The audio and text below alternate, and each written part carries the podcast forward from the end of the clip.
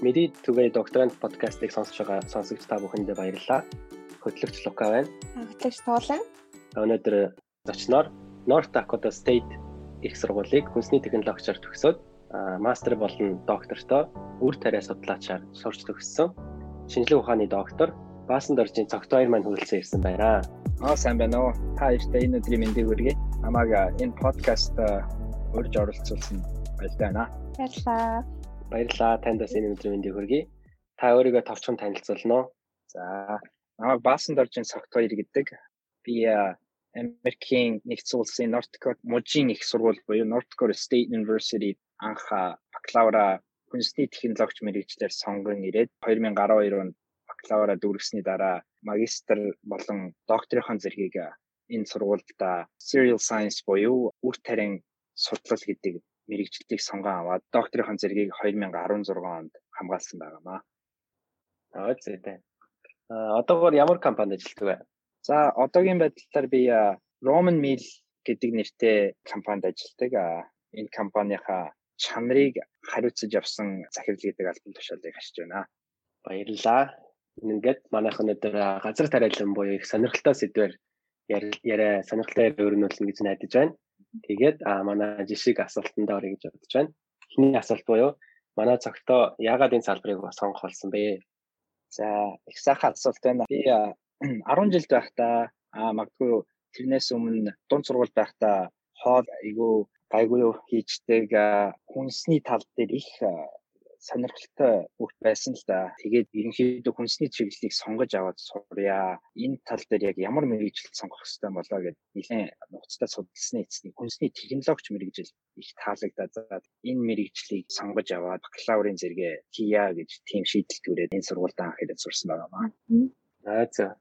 За тэгээд бакалаврын зэргийг 2012 онд хамгаалчаад магистр болон докторийн зэрэгээ үргэлжлүүлээд сурья гэдэг шийдвэр гаргасан юм аа. Тэгээд 2012 оноос эхлээд магистрийн програмд ороод улмаар 2014 онд докторийн зэрэгээ эхлүүлээд тэгээд 2016 оны өвөл докторийн зэрэгээ хамгаалсан байгаа. Энэ grad school-д үргэлжлүүлэлт сурах гэсэн номер 1 хамгийн том шалтгаан нь болохоор манай сургуульд улаан буудаг яг сонгон аваад энэ дээрээ улаан буудаан дээрээ гүнзгийрүүлээд олон төрлийн судалгаа хийх нь надаа маш ихээр таалагдсан учраас энэ магистр болон докторийн зэрэгээ хөгжлүүлээд хийя гэсэн шийдвэр гаргасан юм аа.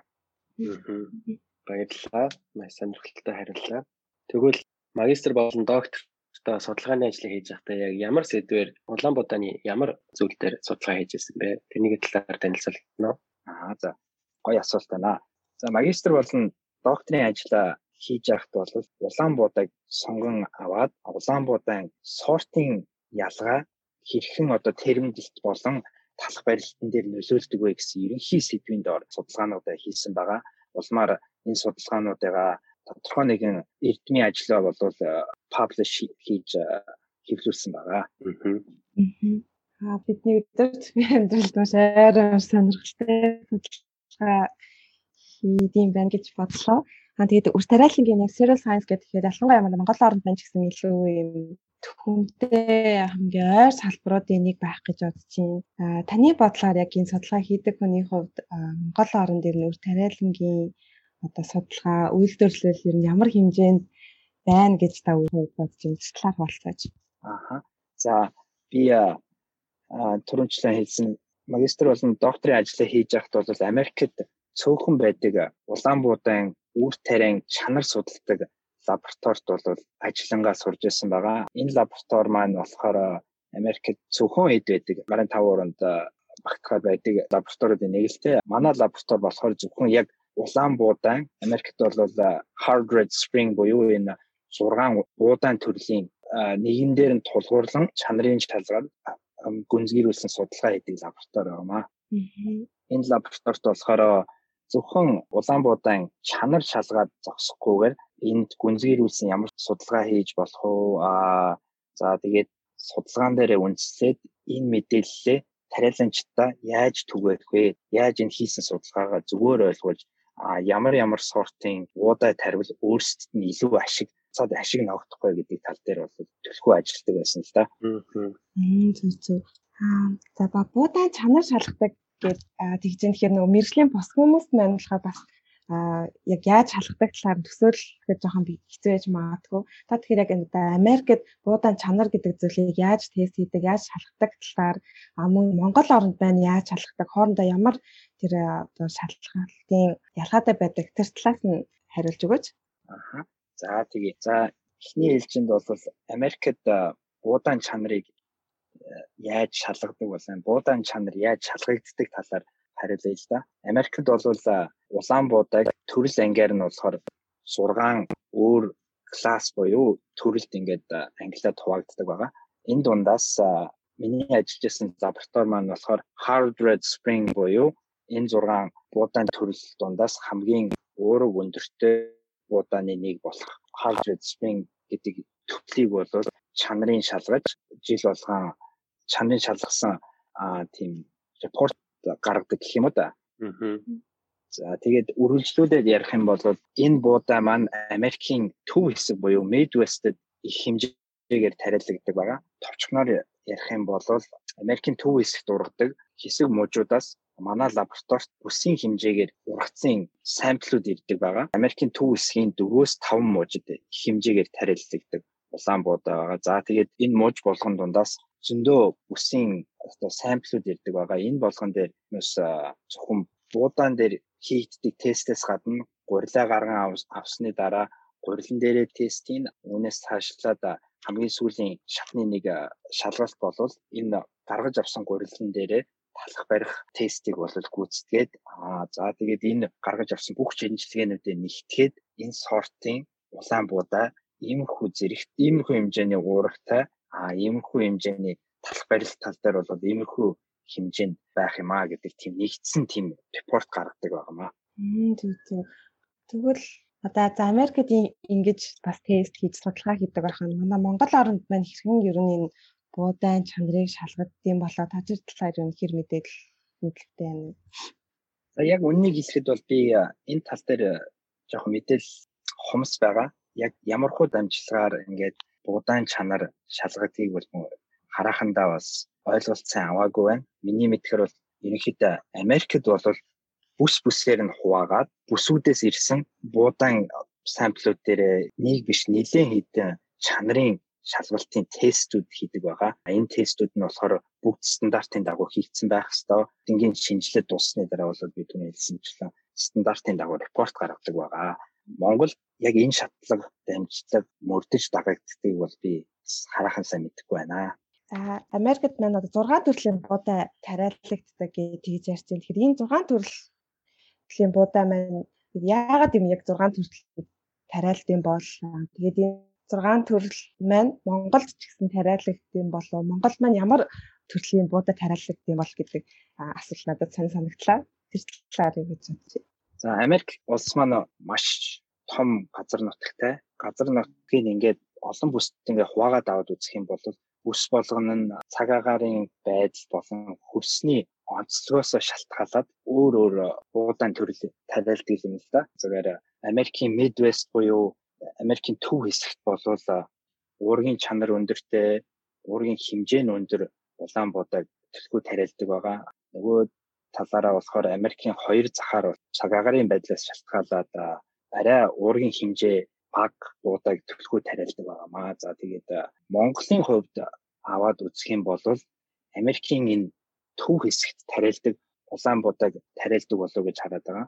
А яагаад тэгж хэлж байна вэ гэхээр газар зүүн байдлаас болон ямар үед тариалаад ямар үед ургацаа хурааж авч байна гэдэг ингээ хараад үзэхээр Америкийн одоо төв хэсэгт ургадаг энэ hard red spring гэдэг улаан буудаа нэг төрлийг бол Монгол тариалаад байгаамаа.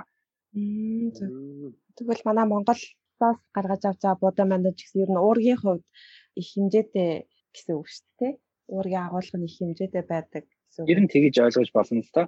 Ягаад тэгж хэлж байна гэхээр Америкийн энэ төв хэсэг чинь болохоор хавар үр тариагаа тариалаад намар нь хурааж авдаг. Аа энэ Midwest-д тариалдаг буудаан төрөл нь маань болохоор зарим нэг бусдаа буудаан төрлүүд маань болохоор яг тариалтын цаг нь өөр байх жишээ нь. Аа бид нар бол мэднэ Монголд бол хавар болон цуны ихэнх цагт буудаага тариалаад намар цаг ирэнгүүт буудаага хурааж авдаг. Аа энэ талыг нь хараад үзэх юм бол яг энэ Америкийн төв хэсэгт ургадаг, тариалдаг, улаан буудаг Монгол тариалдаг болов уу гэж хараад байгаа. Энэ өөрийн хэмжээтэй буудааны төрөл нь одоо яг ямар бүтээгдэхүүн гаргаж авахд илүү зохимжтой байдаг ч юм уу юм байдгүй. Оо байлгүй яах вэ? Их сонирхолтой асуулт байна. Яагаад тэгэхээр биднес чинь олон төрлийн гурилан бүтээгдэхүүн худалдаж хэрэгжилж авдаг болохоос биш яг ямар төрлийн буудаан, ямар төрлийн хүнсний бүтээгдэхүүнд ороод байна вэ гэдгийг мэдээлэл бол хомсдол байдаг. Чиний асуусан хариултанд хариулах юм бол уургийн хэмжээ болон чанар нь өндөр буудаа а энэ буудаанаас гаргаж авсан гурил маань болохоор ерөнхийдөө бол талах болон пицца эдгээр бүтээгдэхүүнүүдэд төлхөө хэрэглэгддэг юм л да. А яагаад тэгж байна вэ гэхээр энэ уургийн чанар чинь байж иж тэр талах маань эсвэл тэр пиццаны краст пиццаны тэр гурил маань яг тэр хэлбэр хэмжээгээ хадгалан авч чаддаг. болохоор энэ уургийн хэмжээ чанарыг төлхөө авч хараад байгаа юм л да. А нөгөө талаараа болохоор бусад улаан будааны гурил маань болохоор хэрвээ хэмжээ болон чанар нь хараахан баг байх юм бол эдгээр гурилнууд маань болохоор улаан будаан гурил нь тийм хөөлгөх процесс шаардагддаг хүнсний бүтээгдэхүүн хэрэглэгддэг. Энэ дундаас ингээд хараад аваад үзэх юм бол жигнэмэг байх жишээтэй тий эсвэл бол одоо гоймон байх жишээтэй тий хараахан тийм хөөлгөх тийм процесс шаардагддаг. А тийм болохоор уургийн хэмжээнд бас тийм өндөр байх шаардагддаг тийм хүнсний бүтээгдэхүүнүүд төлөвлөгөө хэрэглэгддэг. Аа зөв зөв. Бас дэлгэдэнгүй хариулсан баярлалаа. Энэ талаар юусе анх удаа л баг сонсож байна гэж. Сонирхолтой байлаа тий. Яа тэгвэл одоо манай цогтой маань доктор хамгаалсныхаа дараа хувийн компанид ажиллаж байгааг сонссон. Тэгээ энэ ажлынхын талаар бас сонирхъя гэж бодож байна. Одоогийн байдлаар бол би Америкийн Roman Mill компани буюу 108 жилийн өмнө байгуулагдсан бүхэл бүрийн хольц нийлүүлдэг тэр дундаа анхдагчийн нэг компани болох энэ компани чанаар хариуцсан захирлаар ажиллаж байгаа яагаад хүнсний энэ салбарт орж ажиллая гэж бодсон бэ гэхээр магадгүй миний магистр болон докторийн судалгаа маань тариаланчд болон энэ индастри талдаа ойрхон судалгаа хийсэн болохоор академиасаа гараад хүнсний салбарт хүчээ үзье гэдэг тийм шийдвэр гаргаад энэ хүү компанид ороод 3.5 жил ажиллаж байна. Тэгэхээр Өмнө нь бол яг академик төвчнөрийг чанар гэсэн зүйлийг судалгаа хийдэг байсан бол одоо бол илүү практик тал руугаа илүү зах зээл рүү ойрхон тал руу үйлдвэрлэгч болон тариаланчдын холбосон тим ажил хийдэг гэж ойлгож болох тий. Аха тэгэхээр яг аа бас ягаад үйлдвэрлэл энэ чиглэлийг сонгож авах болсон бас нэг шалтгаан нь болохоор би магистра хийж авах хугацаанд Америкийн томоохон гурилын үйлдвэрүүдийн нэг болох Минэл гурилын үйлдвэрт 103 сар дадлага хийжсэн л да. Тэгээд томоохон үйлдвэр дээр очиод тэр үйлдвэрийн судалгааных нь багт нь ороод ингээд 3 сар гурилын чанар дээр олон сонирхолтой судалгаанууд хийсэн маань тэр үед миний сонирхлыг асар ихээр татчихсан л да. Тэгээд докторийн зэргийг хамгаалсныхаа дараа буцаад индастри руугаа жоохон төлхөө орё доо гэсэн тийм санаа өөрчлөөд буцаад ирж ирсэн л да. Магадгүй тэр маань энэ чиглэл рүү ороход бас нөлөөсөн болов гэж бодож байна. Тэгтээ. Тэгвэл яг ажлын агуулгын хувьд бол яг ямар ажил хийдэг вэ? Яг бүтээгдэхүүний чанар хариуцсан захирал гэсэн яг чанараа яаж шалгадаг юм бол одоо эсвэл шалгах явцдаа ажлын байран дээр яг ямар хуу даалгавруудыг хариуцаж гүйцэтгэдэг юм бэ?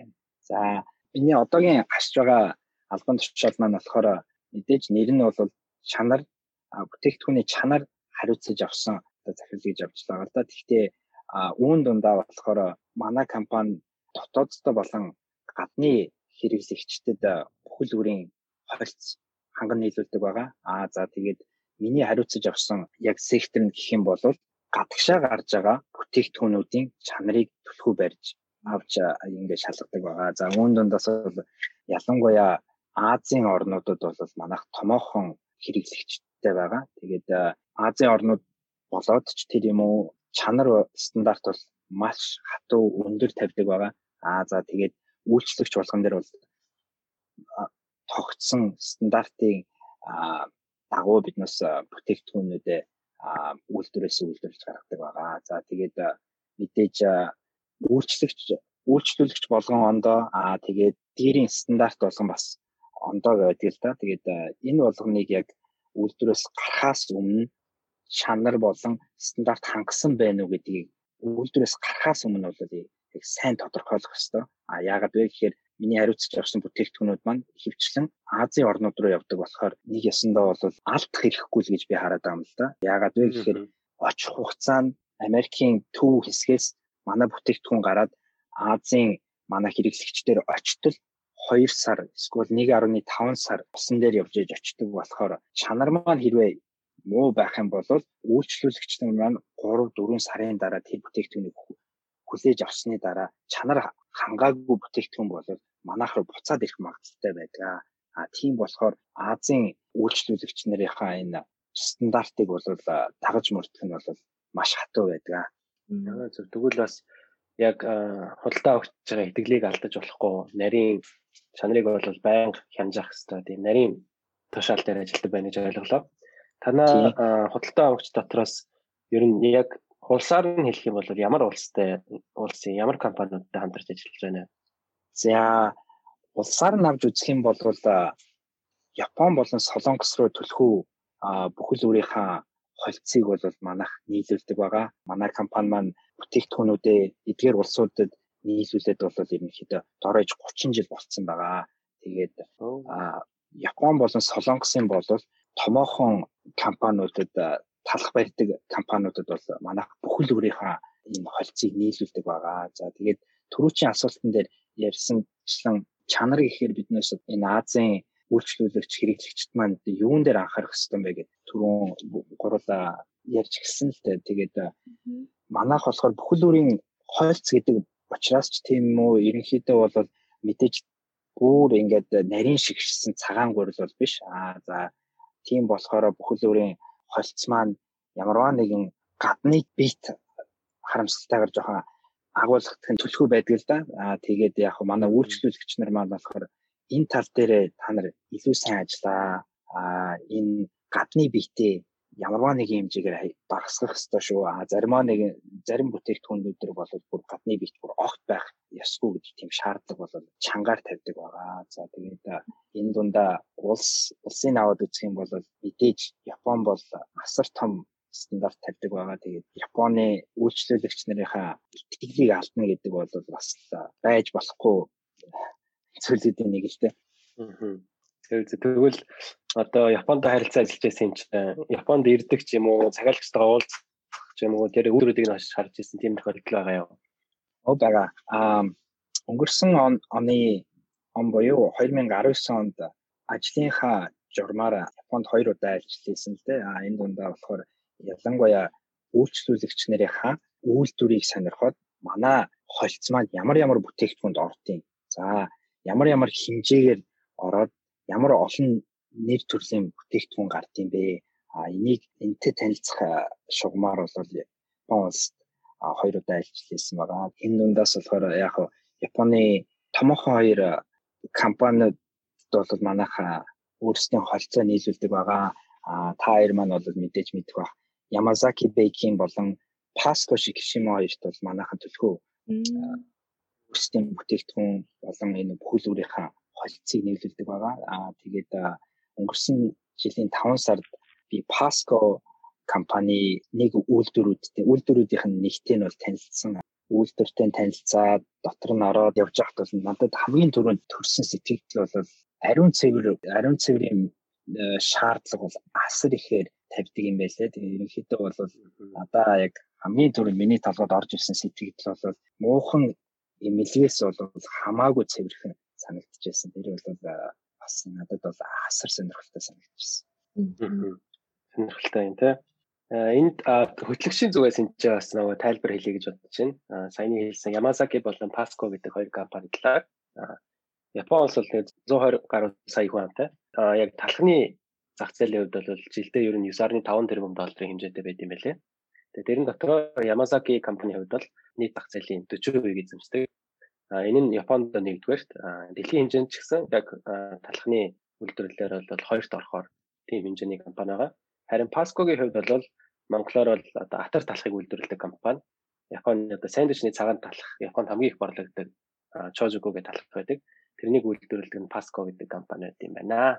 А тэгээд энэ дээр нэг нэмээд хэлэхэд бол Япон улс болон Солонгос улсад бол ерөнхийдөө цагаан талхыг төлхөө үйлдвэрлэж үйлдвэрлэдэг байгаа. Аа тэгээд яг хуу манай бүхэл бүрийн холц холцыг ашиглаад цөөхөн эдэн тооны нэр төрлийн бүтээгдэхүүнүүд бол Японд үйлдвэрлэдэг байгаа. Аа харамсалтайгаар бол яг хуу бүхэл бүрийн талх гэдэг энэ сектор маань мэдээж цагаан талхны талхтайгаа харьцуулах юм бол хамаагүй бага байгаа. Нөгөө талаар бол Японд бүхэл бүрийн ийм хольц нийлүүлдэг компаниудыг ингээд авч үзэх юм бол хэд бол манай компани бол цөөхөн эднэн компаниудын нэг гэж хард юм л да. Аа. Тэгвэл Америкт ингээд Улаанбаатаны өөрийн чанарыг нь шалгаад стандартжуулаад 2 3 сар шахуу ингээд Америкаас Азийн орнууд руу зөөгөөд Японы ийм өндөр стандарттай компаниудад бүтээгдэхүүнийг нийлүүлдэг юм байна. Харин нэг зүйл их сонирхолтой санагдаж байна. Хэрвээ Монгол орноос одоо бүхүүлөрч байд юм уу эсвэл үйлдвэрлэсэн цагаан гурилаа хэрвээ гадаад руу экспортлох юм бол ер нь боломжтой юу? За ер нь бол боломжтой байлгүй яах вэ? Гэхдээ бидэнд тулгамдж байгаа бас хитэн зүйлүүд гарч ирдэг л те. Үүний донд хамгийн ихэн тавигдах юм бол чанар гэж хараад байгаа. Тэгээд харамсалтайгаар бол яг хуу хэдий манай Монгол улс маань энэ Улаанбуудаа энэ нэг төрлийг тариалдаг боловч чанарын хувьд хараахан одоо Америк болон Канадад тариалдаг Улаанбуудаан чанарт арай дүүцэж очтгүй юм болоо да гэж хардаг л да. Яагаад ингэж тэгж хэлж байна вэ гэхээр манай монголчууд бол ярьж хөвшөө заншсан нэг хэллэг байдаг л да. Цавуулгын чанар гэдэг. Та ирч мэдээж сонсч байсан байж магадгүй бах. А энэ цавуулгын чанар маань хараахан энэ Америк болон Канадад тариалдаг буудаан цавуулгын хэмжээнд арай дөгч очтгүй юм болов тий тийм бол болохоор бас чанарын хэмжээнд бол арай дүүцэж очтгүй юм болоо да гэж хараад байгаа. За чанараас гадна бол хоёр дугаар тавигдах юм бол а тариф байгаа. А Японы засгийн газар болохоор Улаанбуудаан дээр а асар өндөр импортын татвар тогтоосон байдаг л да. А үүний гол шалтгаан нь болохоор дотоодын тариаланчдынхаа эрх ашигыг хамгаалахын тулд энэ импортын татварыг бол асар өндөр тавьсан байт юм аа. Тэгэхээр энэ өндөр татвар маань Монголын нөхцөлд бол яг хуу томоохон нэг бэрхшээл гэж харагддаг л да. Надад бол сантай асуулт холбоотой нэг юм асуумаар санагдлаа. Манайхын дотоодоо үйлдвэрлээд буудаа гатгшаа гаргахын тулд за илүү чанартай буудаа гаргаж авал илүү өрсөлдөх чадвар өндөр шиг санагдлаа. Тэгвэл тэр чанар чанарыг дээшлүүлэхийн тулд чанарыг сайжруулахын тулд юун дээр илүү анхаарвал юун дээр илүү хөрөнгө оруулвал зүгээр юм болов? За мэдээж аа нэлээд хэдэн хүчин зүйлсүүд нөлөөлөх байх л та. Гэхдээ яг хамгийн нэгдүгээрт бол сортын шинжилэл хийх шаардлагатай гэж хардیں۔ л да. Яагаад тэгж хэлж байна вэ гэхээр Монгол улсад маань болохоор яг хуу сортын шинжилэл хийгдээгүй 20 30 жил болсон. Энэ сортын банк гэдэг байгаа. Энэ сорт манай Монгол улс тариалдаг сорт маань болохоор хойд төршөөс 20 30 жилийн өмнө нутгшуулж авсан ийм дээр үеийн сортууд хөвчлэн тариалдаг байгаа л да. Сортын чанарыг сайжруулахын тулд магадгүй энэ сортын шинжилэл хийх нь бол нэгдүгээр тавигдах ёстой зүйл гэж хараад байгаа. Тэгэхээр манай Монгол улс маань төлхөө дээр сортын шинжилэл яаж хийх вэ? Энэ тал дээр илүү төлхөө ажиллах юм бол магадгүй манай улсд тариалж байгаа буудаан чанар маань Америк болон Канадад тариалдаг буудаан чанартай дөгч очих юм болов гэж миний хувийн зүгээс бол би харж байгаа л да. Тэгвэл бас ямар сортын яг ямар буудаанд бас илүү манай хөрсөнд манай цаг агаарт илүү урах уу гэдэг ерөн судалгаа бас хэрэгтэй гэсэн үг шүү дээ тий даавал. Тий.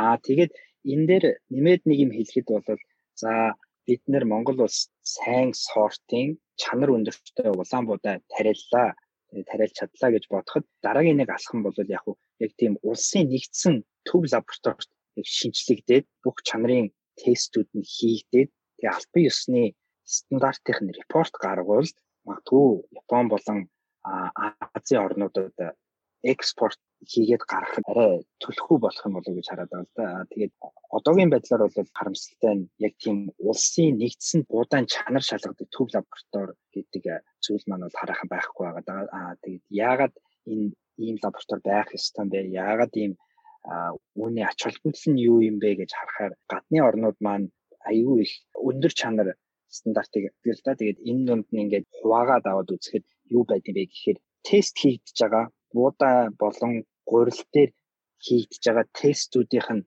тоо хэмжээ бол асар өргөн байдаг. Аа тэгээд энэ бүрний цаанчим болохоор мэдээж тестийн төхөөрөмж байх хэвээр тий? Энэ төхөөрөмж болгон мэдээж зардал өндөртэй.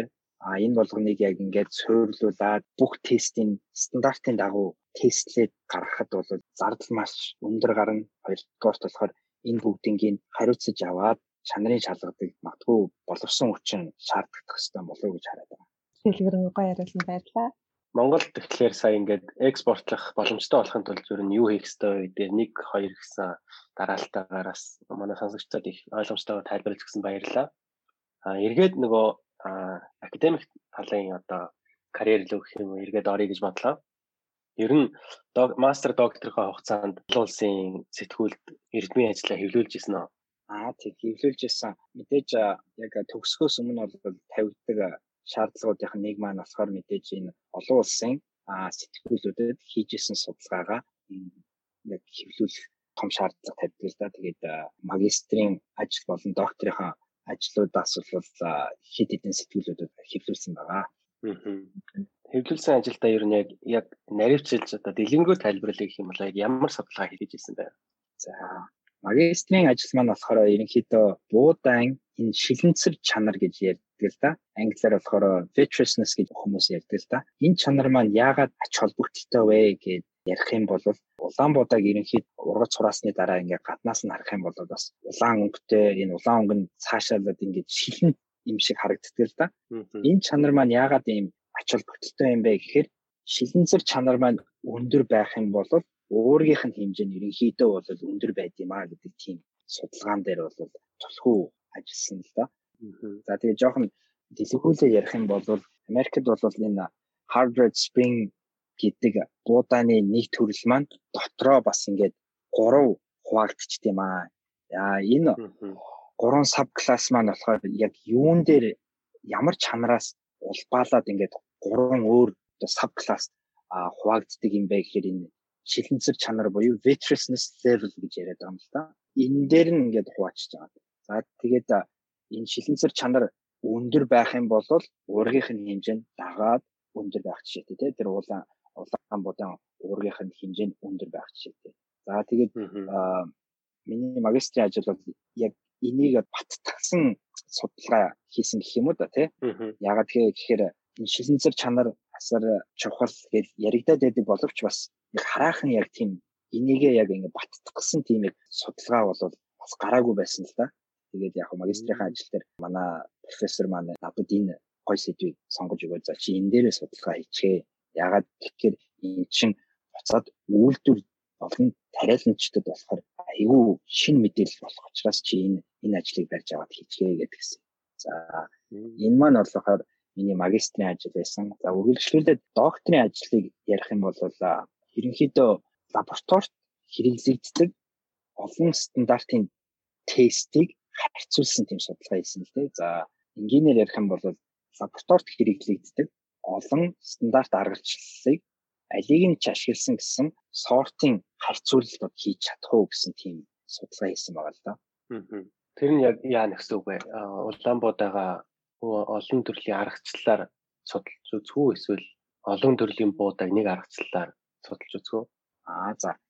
Ерөнхийдөө бол чанарын лабораторид бол мэдээж улаан буудаг хүлээж авахаас ахуулаад цаашлаад гурил болгон тэрэмдэж гаргаж аваад энэ гаргаж авсан гурилан дээрээ олон төрлийн чанарын тест болсон шалгалтуудыг хийдэг байгаа. За тэгээд хамгийн сүүлийн шат маань бол мэдээж энэ гурилаа ашиглаад талах барьж авах байгаа.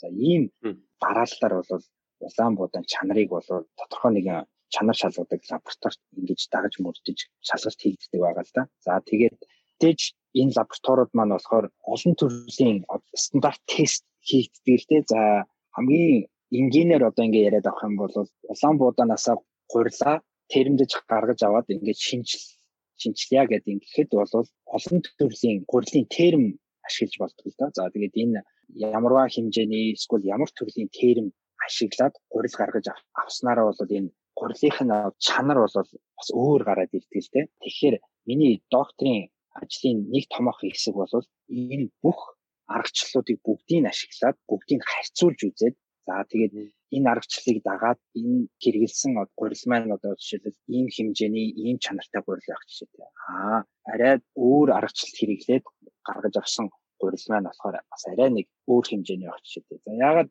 энэ маань ингээд ийм чухал юм бэ гэдээ аваад үзэхээр бол лабораторид ямар аргачлалаар чанар шалгагдана энийгээ биднээс цаашлаад үйлдвэр дээр уулгаж чадах юм л да. Тэгээ үйлдвэр дээр бол мэдээж гурилын терм маань гурилын үйлдвэр маань маш олон шатлаг дамжилтаагаар гурил гарган авдаг л да. Тэгэхээр яг уу энэ лабораторийн ийм аргачлал үйлдвэрийн аргачлал хоёрыг ерөнхийдөө холбох тал дээр гол төлхөө ажил маань ерөнхийдөө бол төвлөрсөн л да. Мм. Их сонирхолтой байна тий. Би ингээд сайн ингээ яриаг нь сонсоод байсан чинь анх яг энэ мэрэгчлийг сонгохдоо нөгөө хоол их дуртай гэдэг жисэн шүү дээ тий. Аа.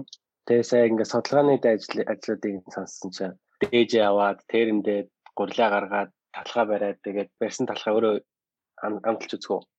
Оо тэглгүй яах вэ? Аа мэдээж амталгаа бол орно л доо. Гэхдээ лабораторийн мэдээж шаардлага хангасан яг төхөөрөмж ашиглаад зөвхөн амталгаанаас гадна өөр төрлийн чанарын шалгалтуудыг бол барьсан талхан дээр хийдэг байгаа.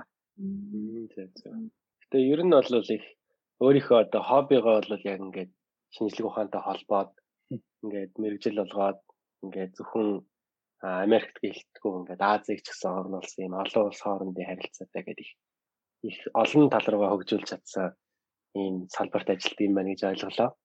Мэдээд үгээ докторант подкастын энэ удаагийн дугаарт маань Roman Mail компани бүтээгдэхүүн хариуц бүтээгдэхүүний чанар хариуцсан захирал цогтой маань оролцлоо. Тэрээр хүнсний технологич мэрэгжилтэй шинжилгээ ухааны доктор өөрийн судалгааныхаа ажлаар улаан буудагны дээжийг тэрэндээд гурил гаргаад талах барих явцад чанар нь хэрхэн өөрчлөгддөг вэ гэдэг талаар судалгаа хийсэн маш сонирхолтой ажлыг хийсэн байна. Тэрээр багада хоол их дуртай байсан энэ хоббидо хөтлөгдөд энэ салбарыг сонгосон байгаа. Тэгээд судалгаа хийж байхдаа түүний хийжсэн ажил нь тариаланчтай өөрийн хийсэн судалгааны үр дүн хэрхэн түгээх вэ? Тэгээд мэдлэгжүүлэх вэ гэсэн тал дээр мөн үйлдвэрлэгчтэй яаж холбогдох вэ? Бүтээгдэхүүн яаж гарах вэ гэдэг дээр судалгаа хийжсэнийхаа үр дүнд одоогийнхоо компани ажлыг сонгосон сонгон ажиллаж байгаа бөгөөд Японы зах зээлд Yamazaki буюу Pasco гэдэг томоохон компаниудад өөрийн компани бүтээгдэхүүнийг чанартайгаар хэрэглэгч хэдгэлийг алдахгүй байхаар дээд зэрэглэлийн бүтээгдэхүүний хөрөх тал дээр маш сайн анхаарч ажилладаг юм байна. Аа тэгээ мөн Монгол улсын хувьд ч гэсэн газар тариалгын салбар цаашлаад Улаанбуудаа гурилын салбарыг хэрвээ ирээдүйд экспортлох юм бол ямар ямар арга хэмжээ авах вэ гэдэг дээр нэгдүгээр сорт шинжилгээ хийх ёстой гэсэн байна. А хоёрдугаарт нэгдсэн төв лаборатори улсын хэмжээнд байгуулад эзэн стандартаар бүх энэ чанарыг хардаг болохоос нааш манай газар буудай салбар бол хөгж боломжгүй гэдгийг онцолж ажиглөө. Тэгээд түүний хэлжсэн дан тодтогч хэлжсэн үг бол чанар чанар чанар байлаа. Ингээд манай өнөөдрийн дугаар та бүхэндээ товчхон чанартай үнэг түгэж чадсан болов уу гэж найдаж байна. Өнөөдөр хөрөлцөн ирсэн цаг баяртай баярлалаа. Зүсэн намайг баярлалаа. За та та ч гэсэн намайг энэ энэхүү сайхан подкаст зориулсан. Маш их баярлалаа. Ирээдүйн ажилдаа амжилт хүсье. За баярлалаа. Баяртай бас сургалтын болон ажлын амжилт амжилт хүсье. Баярлалаа. Баярлалаа. Баярлалаа.